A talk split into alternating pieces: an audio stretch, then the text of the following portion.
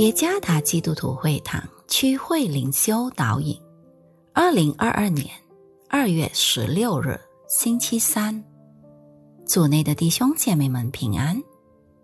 今天的灵修导引，我们将会借着圣经约翰一书第四章第九节来思想今天的主题：因着爱而活。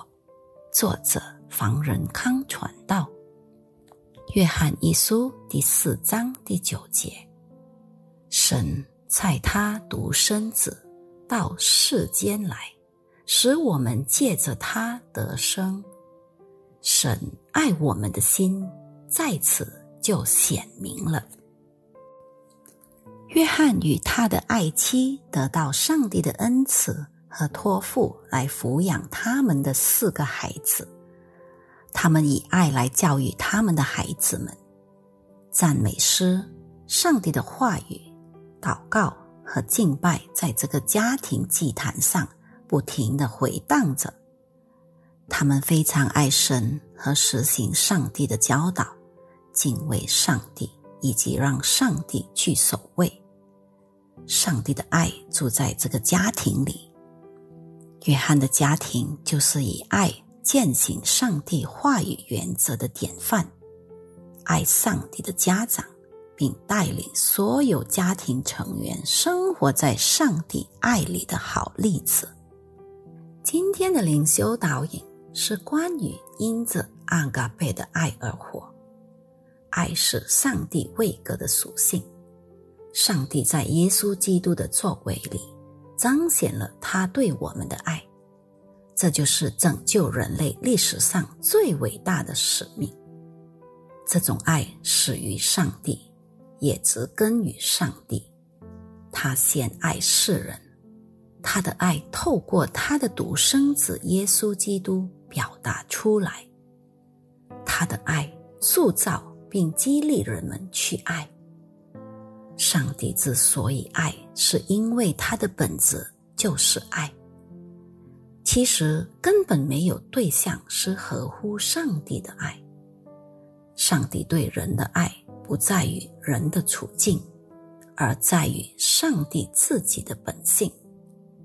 他之所以爱，是因为他本身就是爱。上帝对人类爱的启示，是透过差派他唯一的独生子，即耶稣基督来表达的。上帝主动采取行动，没有其他人物，也没有其他方法可以拯救人类，只有一个位格，唯一的道路就是耶稣基督。只有借着上帝羔羊的宝血，才能洁净人类的罪孽，拯救他脱离永恒的刑罚。甚至是每一相信他的人，必得着永生。活在爱中来爱上帝和彼此相爱，不仅仅是一个可以追求实现目标的想法和计划。活在爱里，或者因着爱而活，都是生灵在每位信徒身上的作为。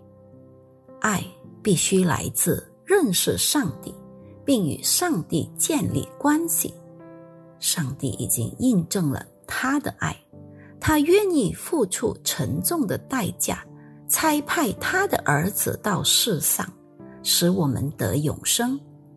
这是上帝完美的爱对人类的最大印证，尤其是对我们所有相信他的人。